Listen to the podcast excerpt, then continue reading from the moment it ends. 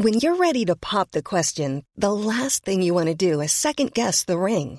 At Bluenile.com, you can design a one of a kind ring with the ease and convenience of shopping online. Choose your diamond and setting. When you find the one, you'll get it delivered right to your door. Go to Bluenile.com and use promo code LISTEN to get $50 off your purchase of $500 or more. That's code LISTEN at Bluenile.com for $50 off your purchase.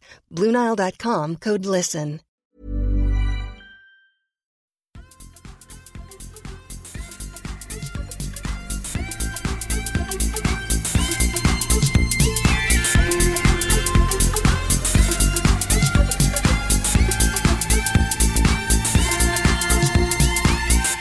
Med ett burkigt ljud och en svajig lina så välkomnar vi er till avsnitt 226 av Kedja ut, en podcast om discgolf. Jag heter Tommy Bäcke och jag gör det här med Niklas Nyman som sitter i en bil idag.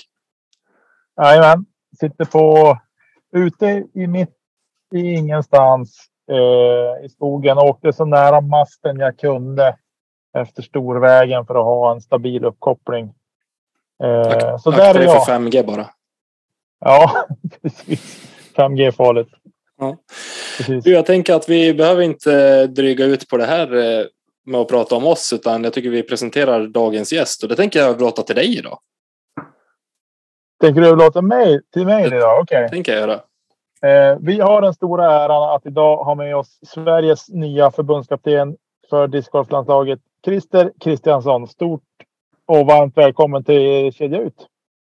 Eh, tack så hemskt mycket. Det är eh, väl ett lika stort privilegium att få vara med. Härligt. Den stora frågan är hur mår du?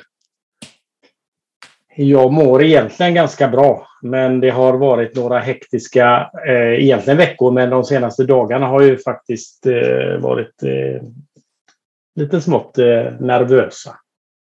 Och spelarnas vägnar, om man säger så. Jag vill anta att det handlar lite grann om de här sista trupp, eh, platserna till EM-truppen som eh, det har vankats lite om. Så är det. Så är det. det har ju varit flera stycken involverade och endast en MPO och en FPO-plats kvar att dela ut. Det ska bli otroligt eh, intressant att få höra hur, eh, hur du har tänkt och vart du har landat någonstans. Men eh, jag tänker att vi kör igång med våran klassiska faktaruta innan vi, vi kommer dit. Så Nick, jag kan väl köra den eftersom att du inte har något körschema framför dig. Jag gör gärna det så det blir ordning och rätt. Du, vad är det för ålder på dig? Du, På den här hästen är det 57 i år. Så två månader till. Sen är det 57. Snyggt. Eh, vad jobbar du med när du inte håller på med discgolf? Eh, projektledare och eh, KAM eh, på ett IT-bolag. Intressant. Om jag bara säger discgolf, vad är, eh, vad är det för dig då? Det är, eh, det är nästan det roligaste jag eh, vet. Det finns dock en frisbeegren som är roligare. Och det är Ultimate Frisbee. Vill du berätta mer om varför du tycker det? Ah, jag har ju hållit på med, med frisbee så länge jag kan minnas. Jag började ju 83. Eh, så det är ju en del av mitt liv. För att få Ja. lite perspektiv på det så är det ju 83, då föddes alltså Nicke. Och det är tio år före jag föddes. Så Ja. då, är, då har du rutin. Ja, det får man nog säga. Jag vann eh, SM första gången 86. Och eh, senast eh, dock då i Grandmaster 2022. Så det är ju några år däremellan. Häftigt. Vad är det som har fått dig att, att hålla dig fast vid, vid frisbeesporten? Glädjen, eh, gemenskapen. Sen givetvis, eh, vad ska man säga, nerven i, i tävlingsbiten då. Vi har ju fått Norrlands första Ultimate Frisbeebana här i Sävar där både jag och Nicke bor. Så att, eh, det kanske är någonting för oss att testa också här framöver. Mm, gör det. Eh, om vi går tillbaka till discgolfen då. Vilken var din absolut första disk? Oj, eh, nu pratar vi ju inte disk på den tiden utan min första frisbee var ju en, en egentligen en gammal ryckesnurra när jag var typ sju år. Men sen kom det ju en World Class Frisbee 119 grammar in i bilden. Och av de moderna diskarna skulle jag nog säga att eh, eh en, av de, en av de första i alla fall, det var den eh, hedliga aviaren. Jag kan inte säga att det var den första, men jag har inget riktigt minne av vilken den första var. Yes. Vad förutom diskar har du alltid med i vägen? Handdukar. eh, min Bushnell kanske. Eh, kikaren. Det har vi haft en diskussion om tidigare också på sociala ja. medier. Ja, jag, tycker de är det är, jag tycker det är ett otyg och borde inte vara tillåtet, men vi kanske inte ska gå in på den stigen. men eh, nu när det ändå är tillåtet, så varför, varför inte använda det? Jag använder den eftersom det är tillåtet. Eh, jag har tidigare i min karriär valt att använda tekniska prylar för att se vad PDGA säger om dem. Mm. Eh, jag tror jag var en av de första att använda hörlurar och det hette inte iPod på den tiden, det hette ju MP3-spelare. Just för att jag tycker att det är ett hjälpmedel i utförandet av kastet eftersom man kan koppla bort allt annat. Så då tyckte jag inte att det skulle vara tillåtet. Men jag tänkte att jag skulle testa PDGAs regelverk och eh, de har inte sagt något. Jag gillar det här med att liksom tänja på gränserna och liksom bara mm. få en reaktion. Liksom, vad är det som, som händer och vad, vad tas det för, för action på eventuella problem som kan uppstå? Precis. Och det ser, ser, vi i dagsläget med folk som blir träffade av riskar hejvilt som har ja, men, musik i öronen också. Så det gäller att tänka till där också från, från båda håll. Ja, det, så är det. Vilken bana som du ännu inte har besökt skulle du vilja besöka? Oj, det var en svår, svår fråga. Men jag fick faktiskt häromdagen höra talas om någon som frågade om jag hade spelat Maple Hill. Så det borde nästan bli den. För den har jag inte spelat. Dra Nicke på smilbanden här. Mm. Vi kan göra en gemensam resa dit då, känner jag. Jag tänker att eh, reseräkningen eh, går på kedja ut då. och jobba upp Patreon-basen lite grann. Men du, om du fick eh, välja mellan att spela Maple Hill och eh, i så fall aldrig mer spela din hemmabana, vilken skulle du då välja? Ja, det är inte så svårt eftersom jag inte har någon hemmabana. Så att, eh, men om jag skulle säga en hemmabana här i Göteborg så är väl Ale eh, min hemmabana. Eh, för det var väl någonstans den banan som eh, jag tycker är eh, representativ för, för discgolf. Så då skulle jag ju aldrig åka över pölen i alla fall, det kan man säga. Det är nästan förståeligt. Det kunde jag nästan mm. räkna ut innan när du sa att det var Ale som var närmast hemmabanan där. Har du varit där sedan de öppnade i våras? Mm, jag var faktiskt där för någon helg sedan och spelade en liten sån här lokal C-Tire eh, Revolution Race. Eh, ja. Två runder på en dag. Gick väl sådär, men ja, herregud. Snyggt. Du, det var faktarutan. Eh, hoppas vi inte satte dig på pottan än i alla fall. Inte ännu. Nej. Men det kommer väl. Vi vet inte. Du, när du fick eh, förfrågan här om förbundskaptensjobbet eh, efter David Svärd eh, valde att kliva av, vad var det första du tänkte eller vad var känslan när du fick, fick den frågan?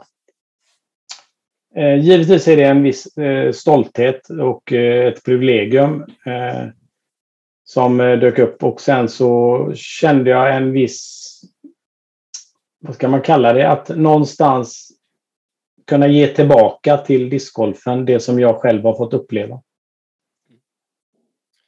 Tycker du själv, alltså, satt du och vägde liksom för och nackdelar eller hur, hur gick eh, tankarna där? Fanns det några nackdelar överhuvudtaget? Eh, det finns eh, alltid en massa nackdelar med allt man gör, men jag har inte ens tittat på dem för jag tycker att det här är, ska bli så skoj helt enkelt. Och redan är skoj. Eh, sen kanske jag redan nu lägger alldeles för mycket tid, men jag tycker det är så kul. Det är jätteviktigt. Om man säger den första tiden nu då, från att eh, du klev på uppdraget och eh, hur har den tiden sett ut? Även om den har varit relativt kort så nämnde du i försnacket här att, eh, att den har varit ganska intensiv. Eh, ja, eh, jag klev väl på där i mitten på maj så det är ju knappt två månader. Eh, det första var att analysera läget. Det var ju vissa spelare som är med i landslagstruppen som hade fått eh, reda på att de var en del i de sista platserna som skulle delas ut i år. Vissa platser delades ut eh, redan tidigt i januari, individuella platser och, och några andra, om man kanske man ska inte säga självklara kort, men, men några spelare var ju uttagna eh, innan då. Eh, så det gällde det att, att scouta dels de namnen som fanns på pappret plus några egna som jag har eh, tittat på lite i smyg. Hur har du ägnat den tiden genom att, att följa upp spelare och, och, och se spelare? Eh, jag tänker, vi, har ett, vi bor i ett ganska avlångt land och det är långt från norr till syd. Hur, hur har du liksom kunnat använda din om en scoutingförmåga för att eh, uppmärksamma de spelarna som har varit aktuella? Eh, dels är det väl av egen erfarenhet. Jag känner ju många. Eh, självklart alla tävlingssidor vi har. Jag har inte haft möjlighet ännu i år eftersom jag själv tävlar att åka runt bara att vara förbundskapten. Eh, men eh, till exempel när vi var nere i Kroatien och jag själv spelade så valde jag att gå caddy åt Josef Berg en, en runda för att känna honom lite på pulsen. Mm. Sen har jag väl eh, skickat ganska mycket meddelande till eh, alla spelarna via Messenger. Bett dem eh, återkomma till mig mellan runder, alltså efter runder och efter tävlingar med, med lite feedback på lite frågor jag har haft. Det är någonting som jag kan eh, jag men, bekräfta. Det har varit uppskattat från de spelarna som jag själv jag men, har en närmare relation med, som har haft den eh, kommunikationen med dig. Där har de uppskattat att, att du har varit så pass tät i din kommunikation och men, verkligen visat att du finns där och att du bryr dig om deras prestationer och deras utveckling. Eh, och det tycker jag är en styrka hos en, eh, hos en ledare och framförallt en förbundskapten. Kul, kul. Jag ska försöka ta det ett steg eh, längre hittills med dels det, men den här återkopplingen spelare ledare emellan och eh, försöka få till någon slags, vad ska vi kalla det, en personlig utveckling av varje spelare. För att Sverige ska återta sina forna glansdagar som Europaledande nation. Vad tror du behövs för att eh, Sverige ska nå dit? Om vi ser på om bara 20-30 år sedan så var ju Sverige en, en stormakt inom discgolfen, kanske framför allt på, på FPO-sidan men även på, på här sidan också. Vad, vad är det som saknas i dagsläget? Egentligen så kan man nog titta på Finland för det var de som sprang om oss någon gång. Eh, jag gissar att det var runt 2010-2012 kanske. Eh, genom att eh, de byggde banor överallt. Eh, det finns banor som är 40 meter snittlängd till rena tävlingsbanorna. Eh, det medför ju att det, det, blir en stor hype kring det. Många som spelar. Var du än är så kan du spela. Vi behöver få, upp, få fram fler yngre. Eh, Sverige är fortsatt ganska duktiga i, i åldersklasserna eftersom vi har gamla spelare som inte har lagt av ännu. Eh, och sen behöver vi kunna ta hand om de här yngre. Så att vi får några förebilder helt enkelt. Eh, I början av 20-talet hade vi en del förebilder med, med bland annat ja, de som slår mig just nu är väl Jesper Lundmark upp från Skellefteå och Marcus Källström från Stockholm.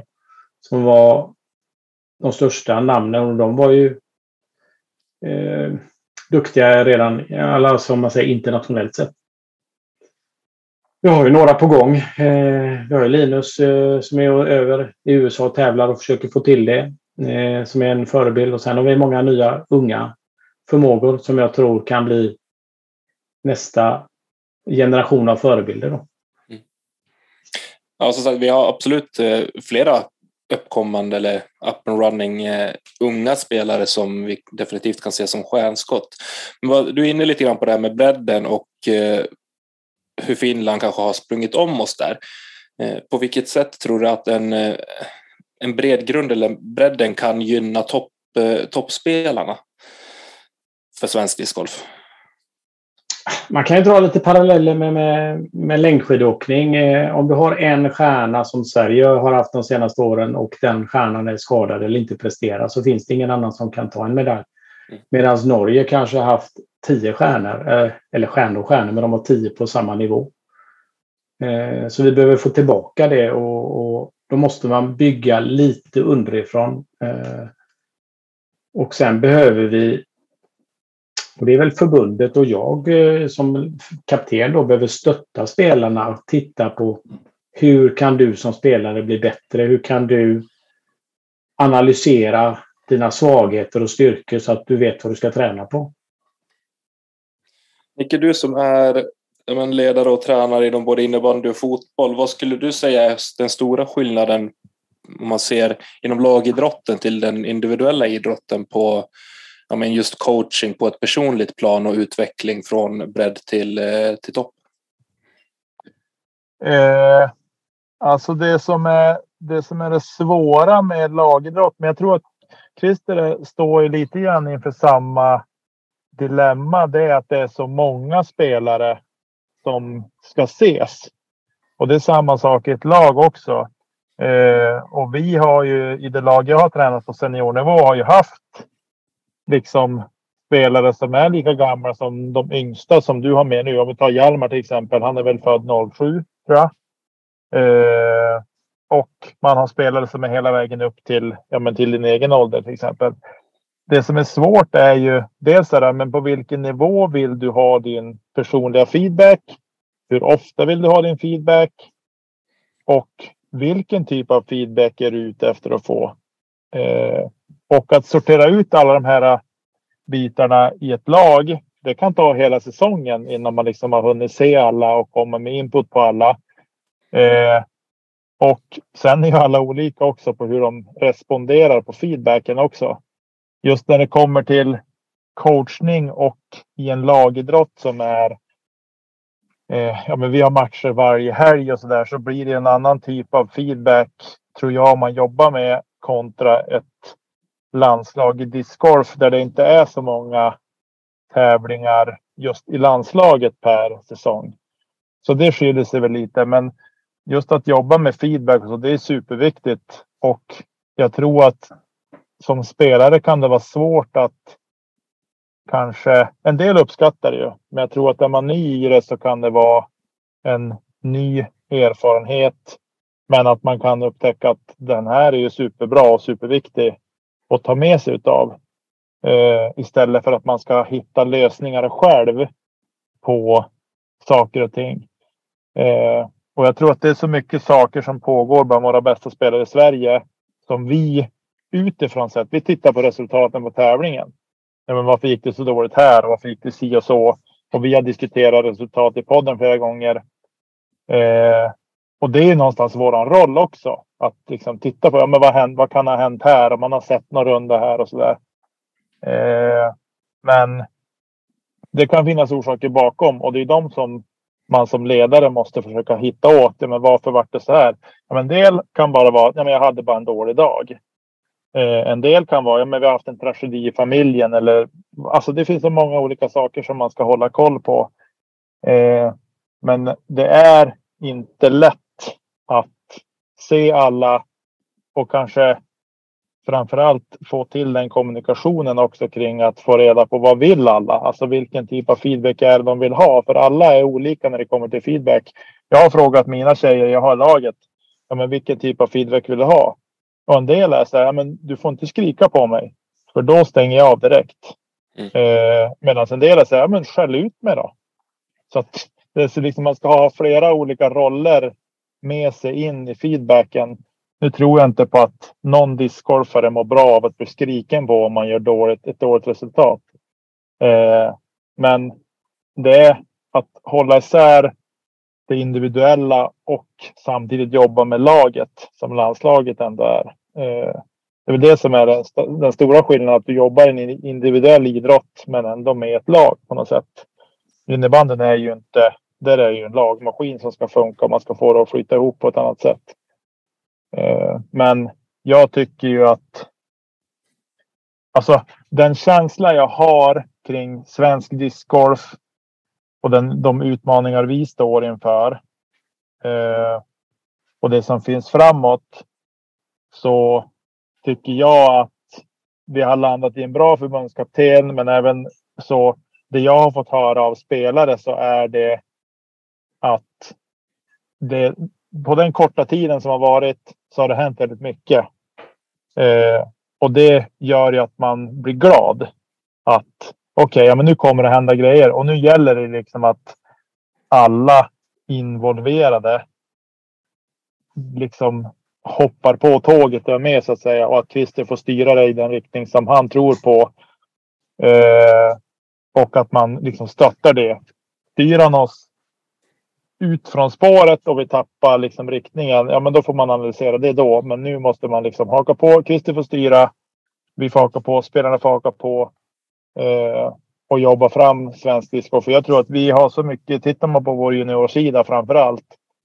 Så har vi ju en en ruskig bas om några år att stå på. Om de fortsätter och inte upptäcker att tjejer är intressanta och sådana saker. Utan de fortsätter spela discgolf. Mm. Om man säger så. Finns det tjejer på discgolfbanan nu också för, nu för tiden? Ja, precis. Men det brukar kunna vara att det där med intressen för saker och ting kan ju slå olika väl ut också. Så att säga. Så är det. Eh, ja. Har du någonting att tillägga Christer? Jag är bara lyssnare och njuter för jag tycker Nicke har väldigt fina tankar och eh, eh, några grejer där har jag redan tagit till mig och tänker att det var smart sagt. Eh, jag hade nog kommit på det någon gång i framtiden men nu vet jag det redan. Eh, just som han säger att eh, alla individer vill ha tillbaka feedbacken på olika sätt. Eh, och där blir ju ett litet eh, Ja, jag har en liten svart bok som man brukar säga där det står lite saker. Som, då kan man plita ner det också. Mm. Jag tror också det som är det som är skillnaden på landslag och eh, vad ska man säga regionalt lag och klubblag. Det är att Christer jobbar med proffs på ett annat sätt än vad jag gör. Absolut. Och därmed så, Christer vet att om han har plockat ut i landslaget, han vet att ja, men ni kan kasta disk, ni kan putta, ni kan göra inspel, ni kan kasta forehand.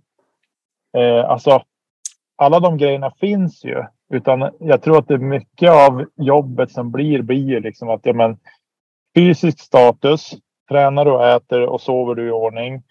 Eh, och att jobba med det mentala. Det är det jag tror. För att alla de spelare som är uttagna i landslag och som har varit iväg på olika landslagsläger. De är duktiga discgolfspelare såklart. Eh, jag sparkar lite grann in en öppen dörr här, men, men det är det som är skillnaden med att jobba med. Sen ska man utveckla också. Men mycket av utvecklingen sker ju inte på när man är iväg på EM. Mycket av utvecklingen sker ju mellan de olika landslagsuppdragen.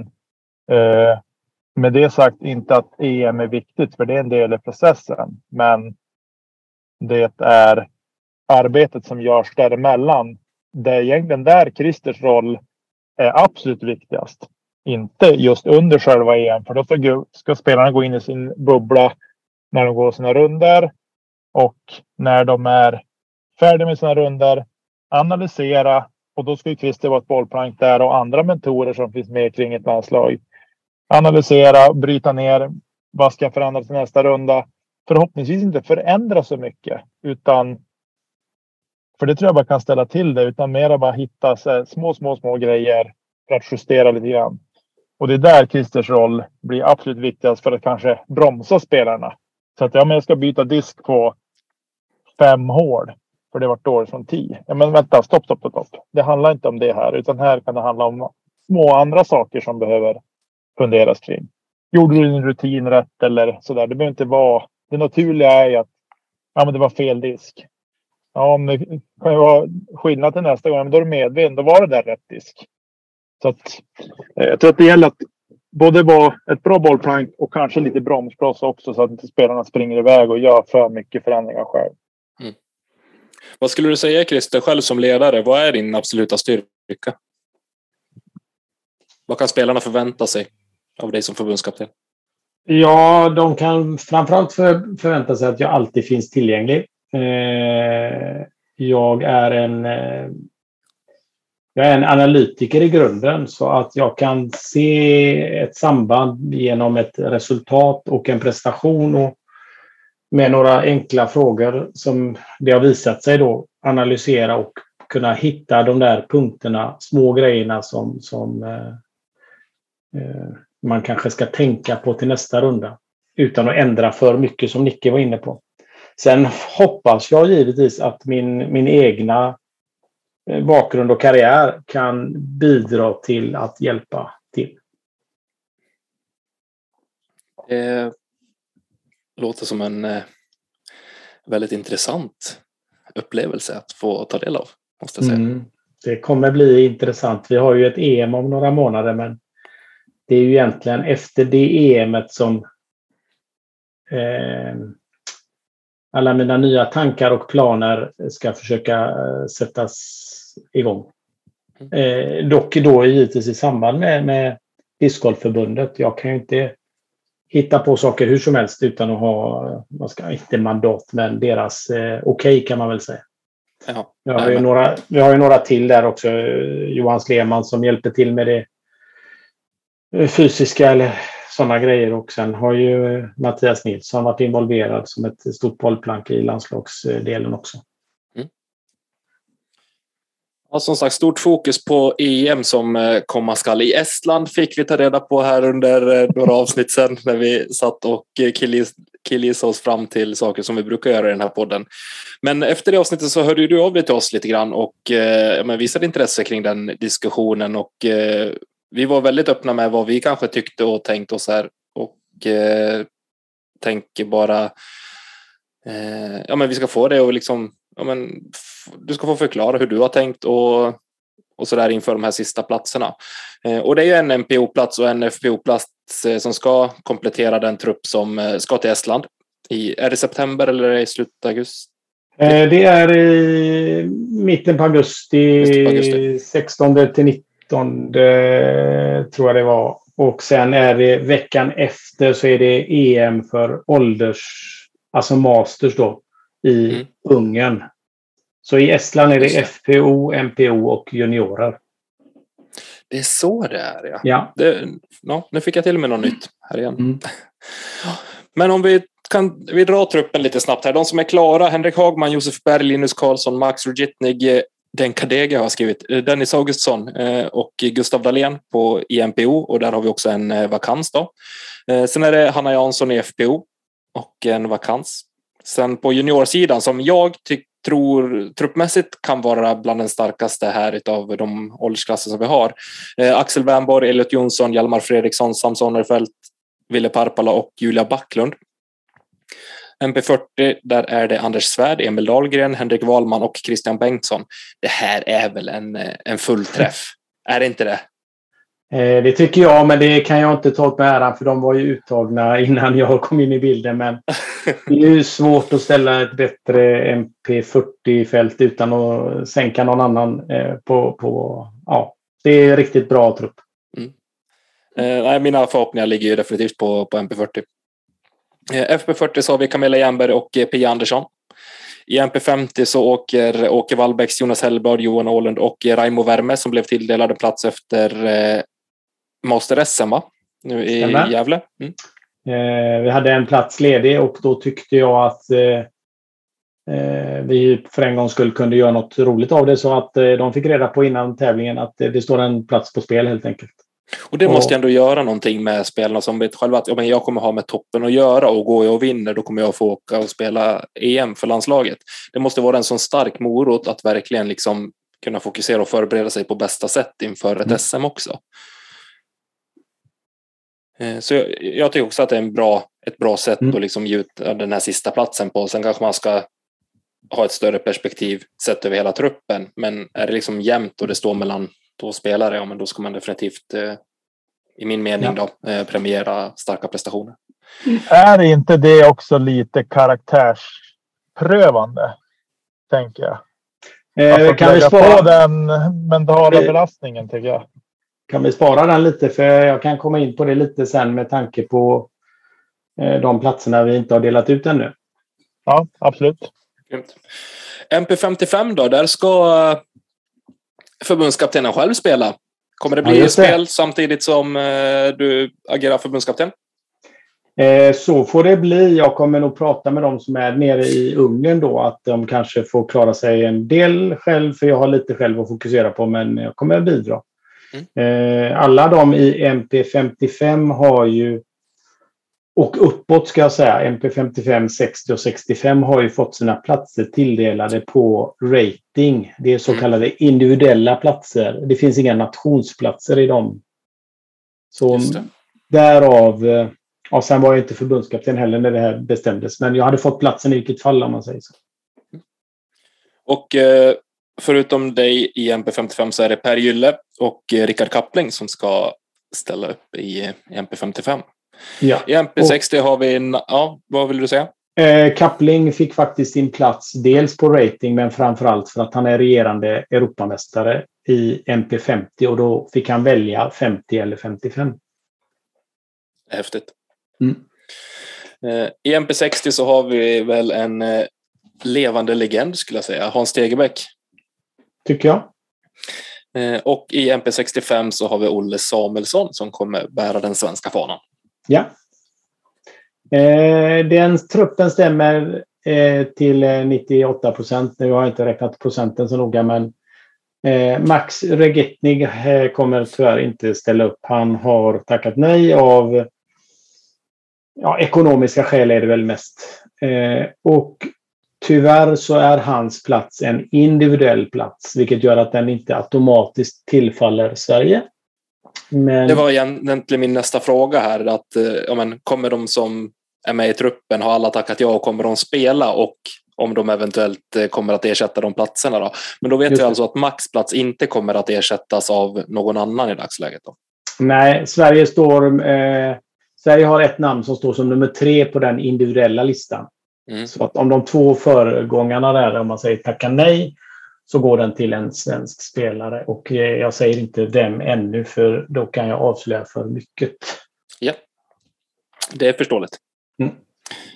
Eh, men vad ska krävas för att det ska kunna tilldelas en svensk spelare? Då? Vilka, vet man vilka två individuella spelare som står före?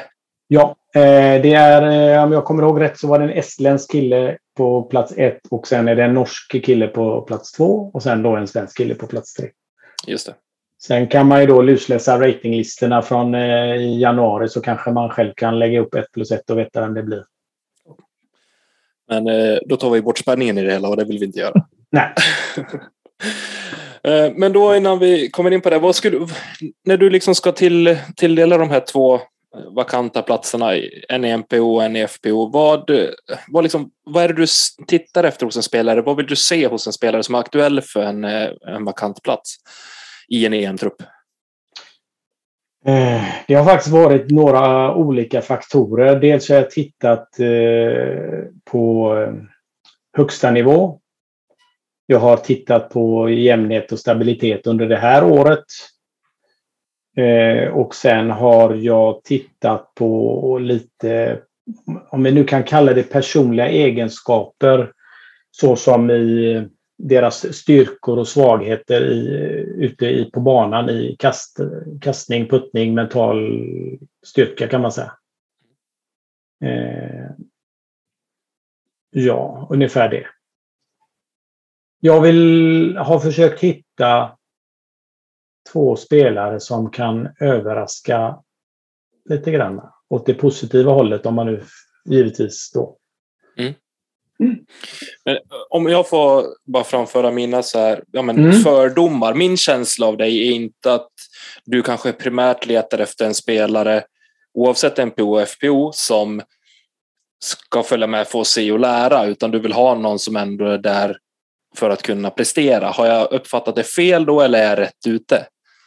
Du är faktiskt helt fel ute. Jag är det alltså? Mm. Mm. Vad skönt att vi fick det klart. Precis. Hade jag fått börja från scratch om vi säger så. Så hade jag nog eh, troligtvis tilldelat eh, 75 procent av platserna för att åka dit och ta medalj och 25 procent av platserna se, se och lära. Om det hade varit möjligt. För det, det handlar ju så mycket om det här med individuella platser och nationsplatser. Då. Precis. Mm. Mm.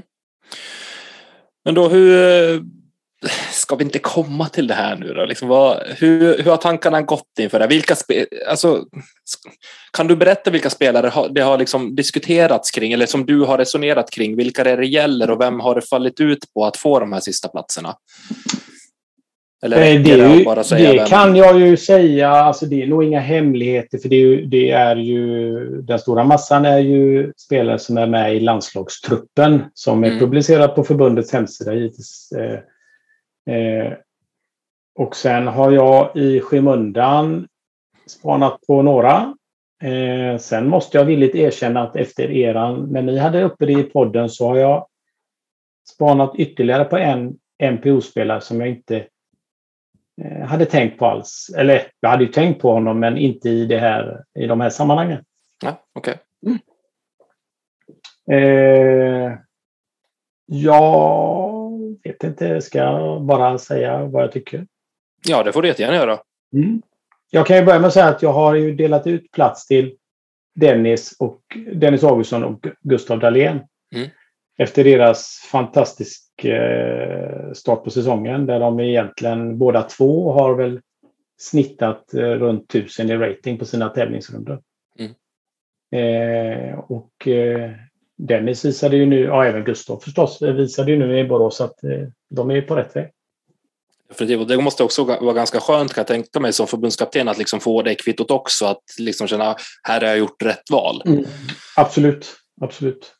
Uh, vi börjar väl med MPO och jag kan väl säga att det har ju varit en, ett, ett, fyra, fem om man säger officiella spelare inblandade. Mm. Uh, Peder uppifrån Umeå till exempel, som tyvärr har dragits med skada och inte kunnat uppvisa några för många resultat helt enkelt. Vi har haft mm. Eh, mycket dialog. Eh, Tobias Söderqvist här nere från eh, Bollebygdstrakten. Precis. Eh, Isak Andersson är väl en Skånepåg? Nej. Nej, han är, han är från Sundsvall. Sundsvall. Jag blandade ihop honom med en annan kille. Eh, just det, han är från Sundsvall.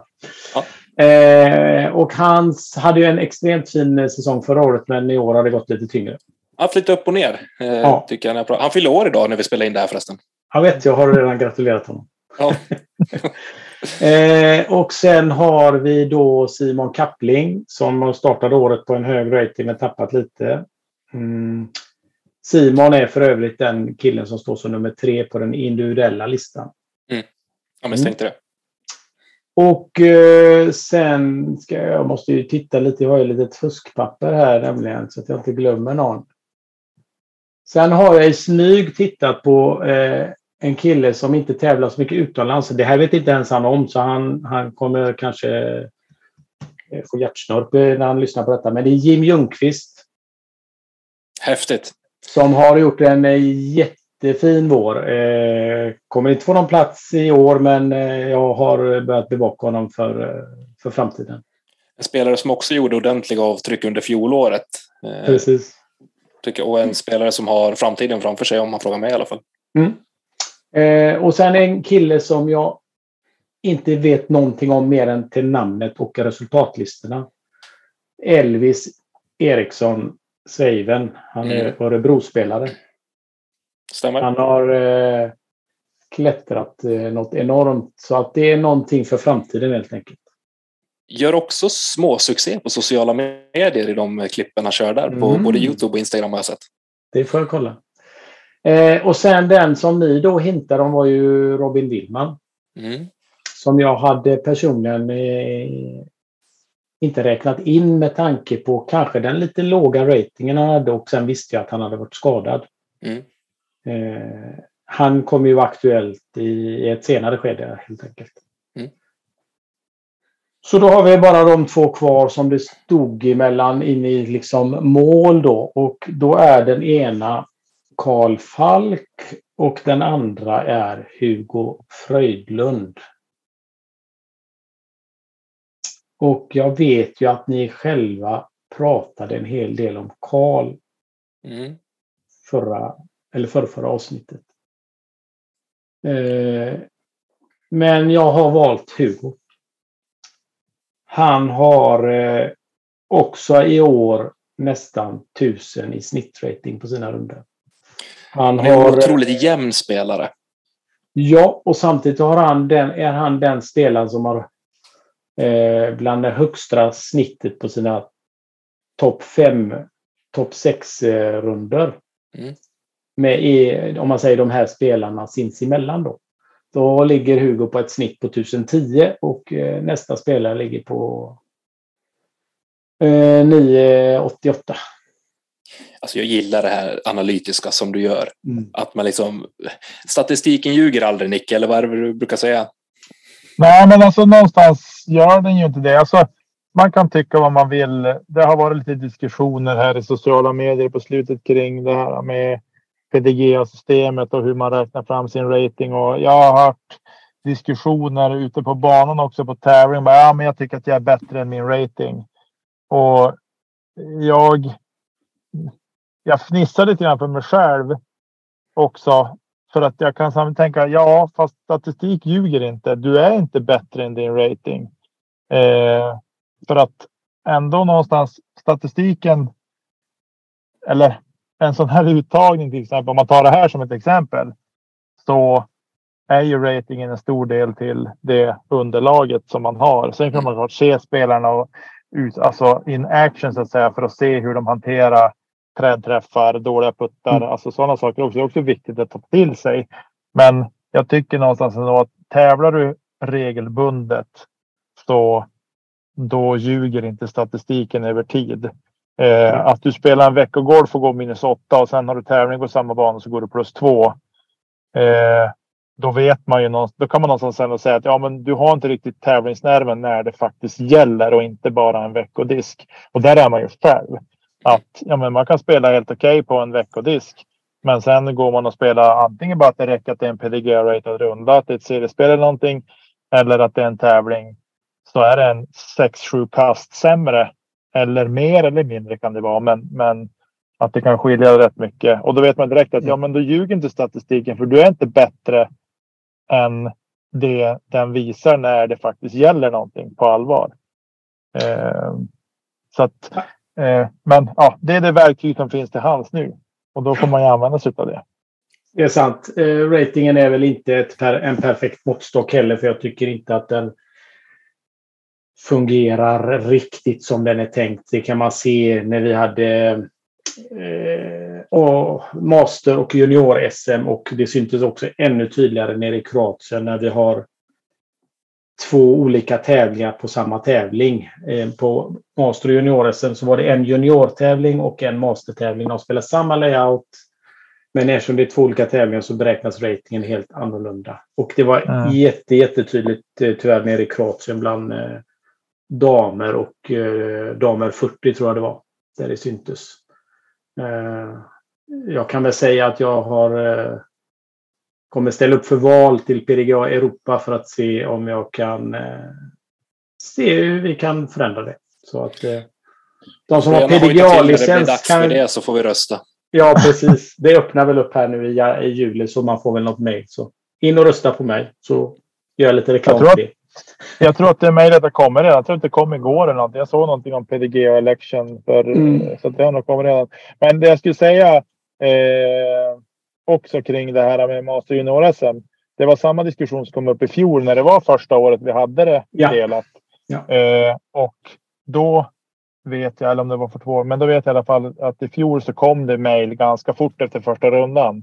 Och förskiljer det 20 poäng mm. mellan junior och och det var ju enkelt löst. Det var ett mejl till PDGA, förklarade vad orsaken var och de sa vi lägger in en notis på de här tävlingarna. Vi tittar på det och sen gick det bara några dagar efter tävlingen att det var skickat in rapporterna så hade de tweakat till det där hos PDGA. Så det går ju att lösa. Mm. Men Snyggt. man vill ju helst lösa alltså att, att man ska få lägga in det i förhand så att det mm. inte är ett problem när eh, det ska. Jag vet inte om det är gjort i år ska jag dock säga. Men jag vet att i, i fjol gjorde jag det själv nämligen. Så då vet jag att det mm. vart gjort.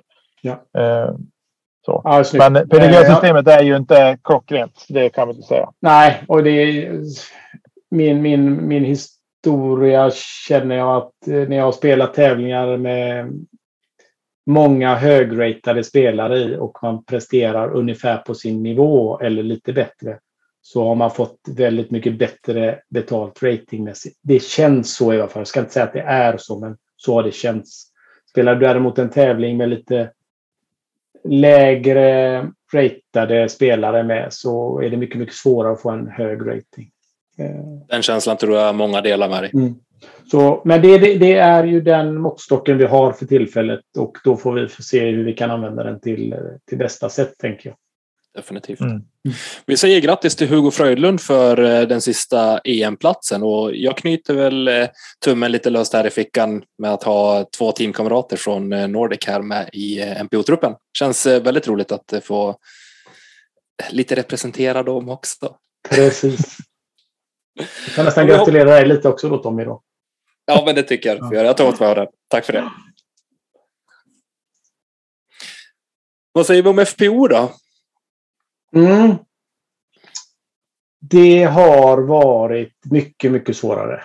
Mm. Eh, och vi kan också börja med att säga att varför har vi väntat så här länge med att ta ut de sista platserna? Eller jag då, för från början fick alla spelare reda på att det skulle ske i början, mitten på juni.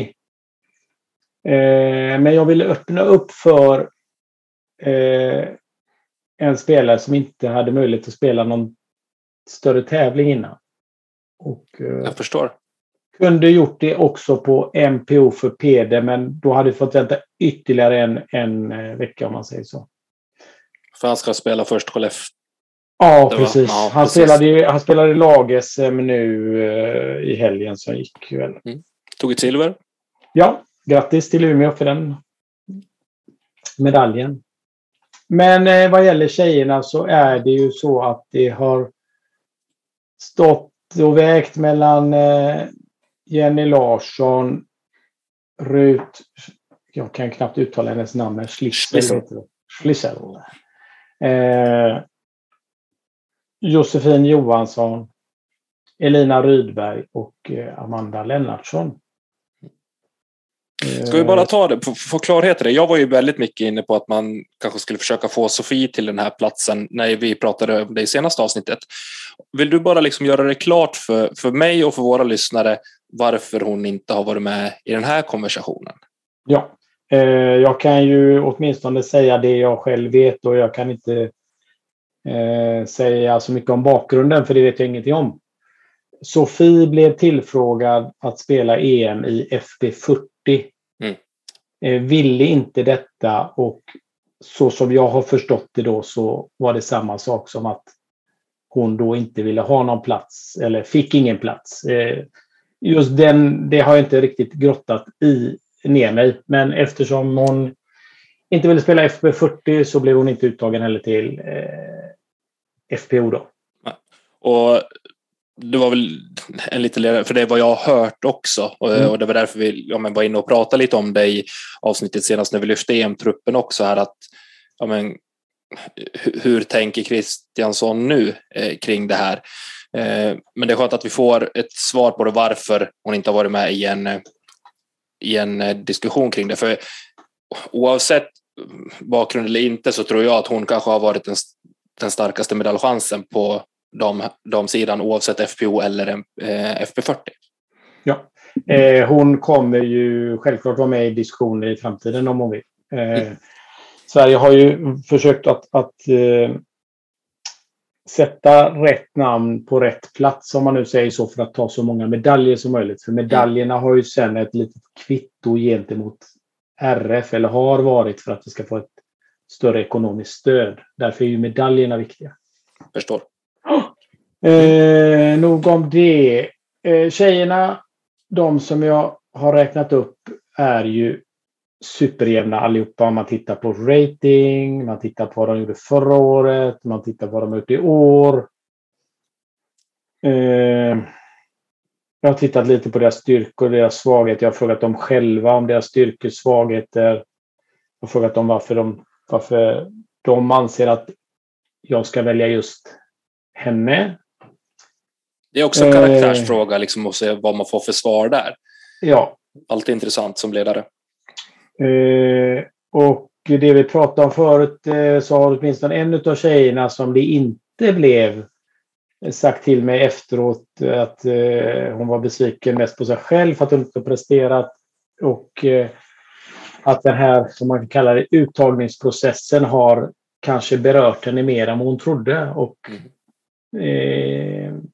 Det förstår jag, för det är inte så himla lätt att åka på en tävling och veta att eh, ja, det här kan vara EM-platsen som eh, ryker eller inte ryker om man säger så. Mm. Det blir som en oviss när vi var inne på det här med, eh, med Raimos plats, att han visste när han gick in i, på SM-tävlingen att det ligger en plats i potten. Att hela tiden veta att man är aktuell för en uttagning till ett EM, men inte veta att okej, okay, det är nu det gäller eller det är nu det gäller, utan att hela tiden ligga och gnaga i, i bakhuvudet på en. Det kan ju på, göra en väldigt stark påfrestning på åtminstone det mentala.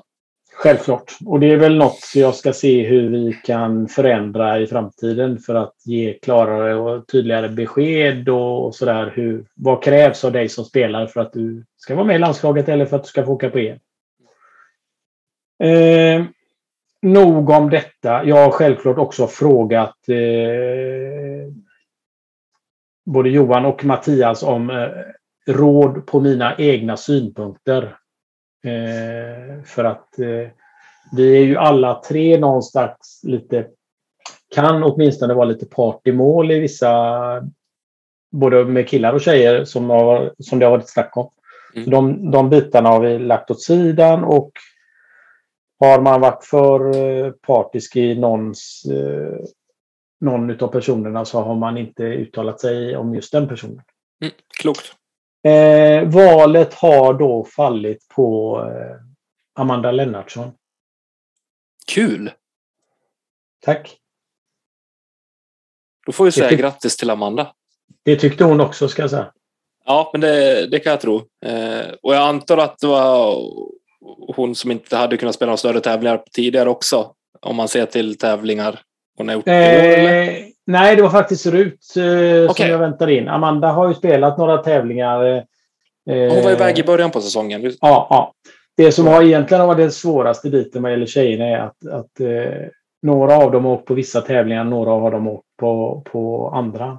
Mm. Och den sista lilla pusselbiten som jag hängde upp det på för att kunna styrka varför ska det bli Amanda och inte någon annan det var att den enda tävlingen när de alla har mötts, eh, förutom Rut var inte med på den, men, men Jenny, Josefin, Elina och eh, Amanda då, då placerade hon sig högst upp.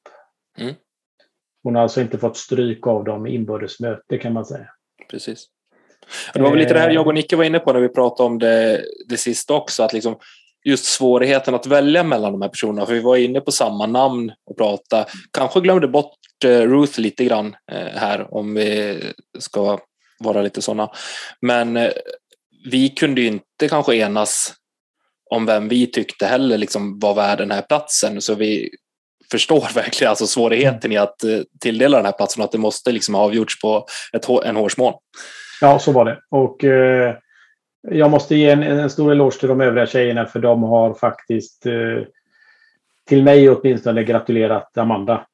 Eh, mm. om man säger. Sen har de säkert gjort det till henne också, men det vet ju inte jag någonting om. Men de, de har tyckt att det var ett bra val och att hon troligtvis eh, kommer göra ett bra jobb på EM. Tvivlar inte jag heller en sekund på. Och det är ganska intressant för alla de här är i samma liksom generation spelare i sporten. Man har spelat ungefär lika länge och liksom följts åt på alla olika tävlingar under de senaste åren. Eh, så de känner ju varandra väldigt väl och är, jag vet att de är tajta på sidan om också. Mm. Eh, och att de stöttar varandra i vått och, vått och torrt oavsett. Eh, så nej, jättekul för, för Amanda och välförtjänt får man säga. Kul. Jag måste få fråga en sak till Christer. Hur... Alltså, jag och Tommy känner ju några av dem mer eller mindre väl, ska vi säga. Eh, och det är därför jag tycker att det har varit svårt också att välja bland dem på något sätt. För att man liksom, ja, men jag tycker att den är lite bättre eller så. Det tycker jag det är därför svårt. vi inte är förbundskapten. ja, nej, men så, ja, så är det ju. Och vi vill inte sabba relationen till någon heller. Men hur, hur svårt har det varit att sätta det åt sidan? För du vet att tjejerna är tajta med varandra utanför banan också. Hur svårt har det varit att ändå någonstans ställa det åt sidan och titta på prestationerna och att till slut landa i ett beslut. Nu har vi fått förklaringen till beslutet och jag tycker att det är en jättebra eh, ett bra sätt att använda sig av för att, för att sålla ut och så att landa i ett beslut. Eh, men hur, det måste ändå ha varit tufft. Nu har du haft Mattias och Johan till hjälp bland annat. Men Mattias är ju jävig på ett sätt för en spelare kan vi säga. Eh, och liksom Johan har ju som en övergripande roll fysiskt och jobbar liksom med fysiken på landslagslägena bland annat.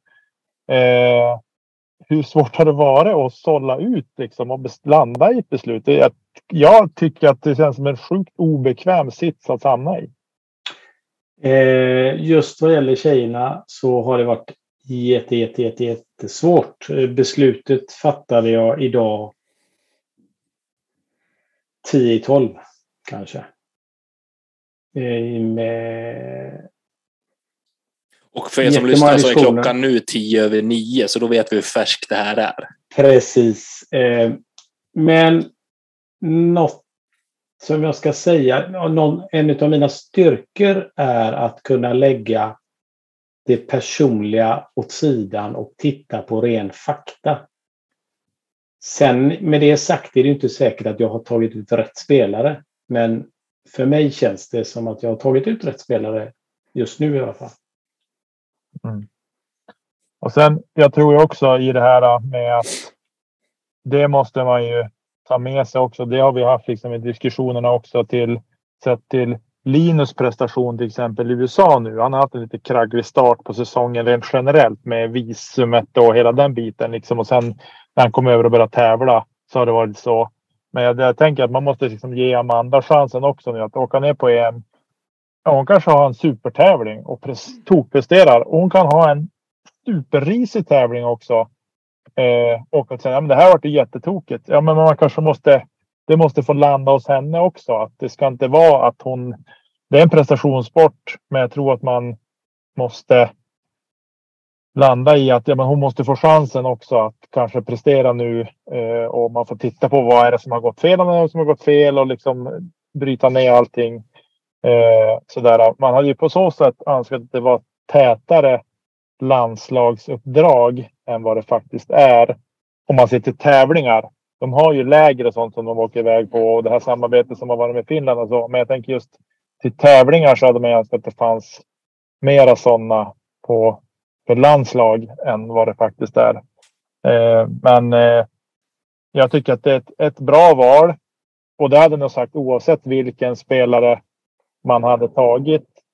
Men jag tycker ändå sett till de prestationer som hon har gjort och så där så känns det som att det varit en, en, en, bra lösning och ett bra val av spelare till EM som får tillsammans med Hanna åka ner och, och representera Sverige. Mm. Eh, ja, jag hoppas det. Eh, jag har väl satt upp en liten eh, målsättning för Sverige att eh, ta dubbelt så många medaljer än eh, senaste EMet då. Vi får ju säga att det är två EM nu då givetvis, men, men det räknas ju som ett. Mm. Och eh, förra EM tog Sverige ett guld och tre medaljer till, det vill säga fyra medaljer totalt. Så i år är målet två guld och minst åtta medaljer. Det för mig till eh, nästa fråga som jag har poddat ner här. Vilka, vilka medaljchanser ser du som störst? I vilka klasser? Eh, antagligen den största guldchansen ligger väl på mig själv i MP55. Nej. ja, jag visste inte. Åh, det, det där blev jobbigt för mig. Jag visste inte om jag skulle... Ja. Lite äh, sådär. Det var själv. tur inte det här var videopodd alltså. Precis. Åh, herregud. Ja. Nej, men, ska vi börja där? Vad, vad tror du om dina egna chanser då? Jag eh, skulle faktiskt... Jag kommer vara extremt besviken om jag åker hem utan medalj. Eh, jag kommer vara besviken om jag inte åker därifrån utan guld. Mm. Eh, de största hoten är, är svenskar. Det är Per Gylle och Rickard Kappling. Det finns några andra, men jag ser att Sverige nästan har tre medaljer i MP55. Men då ska ju allt klaffa. Men, men, Såklart. Så är det. Jobbet ska göras. Ja. Men, eh, känns det inte som att vi har en pall, en full svensk pall i MP40 också? Eh, inte riktigt. Då skulle jag säga att pallen är eh, mm, större chans i MP50 faktiskt. MP40 ja. finns det några stackare som eh, jag inte just nu har koll på. Men det Vi pratar väl KJ Naibo bland annat här och kanske till och med eh, Hirsimäki, va? Finsk? Eh, Jag har för dålig koll. Ja, KD Naibo såklart, men han har bytt märke i år så han kommer inte att prestera. kommer... eh, nej, men vi har ju. Eh, vi har ju en fransman som heter Sylvain Gouche. Som var stor på sin tid. Eh, vi säger 25, 28 någonting. Är Open-spelare. Helt nytt namn för mig. Oj. Ja, jätteduktig. Sen har vi Nybo förstås. Och sen har vi de tre, minst tre svenskar då. Eh, ratingmässigt. Emil, Anders och Christian. Mm. Eh, sen har ju Valman. Han är väl kanske topp 10 ratad i den eh, ålderskategorin. Då. Så det är klart att vi har eh, mina kalkyler säger två medaljer i MP55, två medaljer i MP50 och eh, två medaljer i MP40. Så har vi, har vi redan där sex medaljer av åtta. Mm. Eh, Vad tror du om juniorerna då? Här vet vi att eh, det inte bara kanske är den discgolfprestationen som har mycket att ge utan att det är mycket kanske på, på sidan av, mycket intryck och speciellt om man åker dit för första gången. Vad, vad ger du juniorerna för chans? Jag vill ju helst inte sätta någon press på någon av juniorerna för jag har sagt till alla att de är där för att se och lära. Eh, och det är en helt ny sits för dem. Den enda som det inte är en ny sits för det är Hjalmar. Mm. För han har nu den senaste tiden visat att han hör hemma i toppen i Open. Eh, så han kommer nog ha ganska högt ställda mål och förväntningar på sig själv gissar jag. Det tror jag också. Mm. Så är han både som person och spelare. Mm. Eh, sen eh, jag tror att vi har en väldigt god chans att ta två medaljer i, på juniorsidan. Även om det finns en hel del finska spelare tror jag det är som är mm. Högt ratade.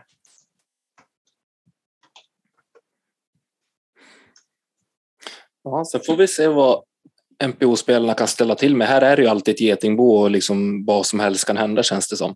Eh, på sin egen högsta nivå så kan alla de här spelarna vara med och slåss om medaljer om man frågar mig. Eh, inte minst Linus som eh, har ett silver sedan sist det vankades. Så ja. Eh, Ja, du har helt rätt. Det, det är så att eh, alla spelare av dem som är, åker från Sverige kan eh, med rätt, rätt helg, om vi nu kallar det så, stå faktiskt överst på prispallen. Mm. Och eh, då bortser jag från rating, för det finns ju några som har väldigt hög rating där i, utav konkurrenterna. Då. Såklart. Eh, men de har visat allihopa att de, att de eh, eh, kan definitivt. Vet du om EM kommer att eh, sändas på någon livesändning om vi ändå om vi ska dra det dit? Kan man följa det någonstans? Eh, min gissning är att eh, Open, alltså, om vi nu kallar det Open EM då, där det är även är juniorer, där kommer det nog sändas. För jag har, eh, det går i Tallinn. Eh, det känns som att de har ganska bra koll på läget och bra med resurser. Mm. Så det tror jag de kommer sända det på något sätt via förhoppningsvis via någon av de här kanalerna som är ute och filmar som kan. Eh, vad gäller Master-EM som då ska gå i Ungern, man har lagt det i ett land Känns inte behöver... lika stor chans till eh, livesändning där va? Nej, eh, jag är, kommer nog nästan till och med lite förvånad om det är någon som är där och filmar eh, spektaklet. Eh, men man har ju valt att lägga det i Ungern för att försöka sprida discgolfen till de länderna som, som eh, inte har så många medlemmar ännu. Mm. Mm. Men Open hoppas jag verkligen kommer filma. Kul. Eh, jag kommer ju själv ha svårt att åka dit. Men vi ska se. kommer bli extremt intressant att få följa i alla fall. Jag har inte något mer. Jag har fått eh, det du lovade och är såklart privilegierad och, jätteglad över det. Eh, har du någonting mer du skulle vilja tillägga i, i veckans avsnitt av Kedja ut, Christian? Nej, jag tror vi har eh, mm, fått fram det mesta. Nicke? Nej, jag vill bara önska landslaget stort lycka till inför det som komma skall. Eh, jag hoppas det ska vara en bana som passar våra spelare.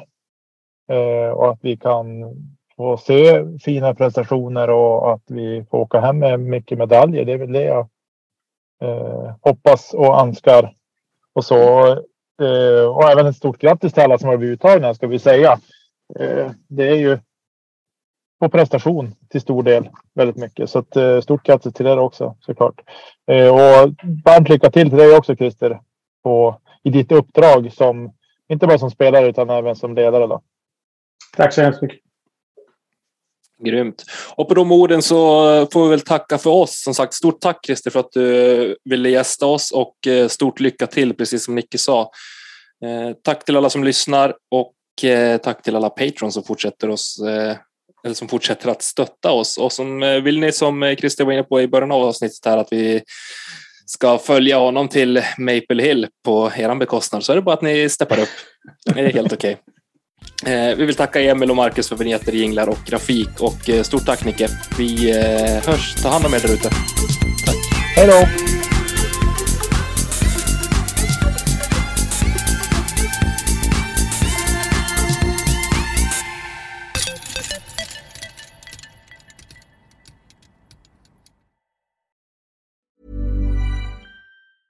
Mom deserves the best, and there's no better place to shop for Mother's Day than Whole Foods Market. They're your destination for unbeatable savings, from premium gifts to show-stopping flowers and irresistible desserts. Start by saving 33% with Prime on all body care and candles. Then get a 15-stem bunch of tulips for just $9.99 each with Prime. Round out Mom's menu with festive rosé, irresistible berry chantilly cake, and more special treats. Come celebrate Mother's Day at Whole Foods Market.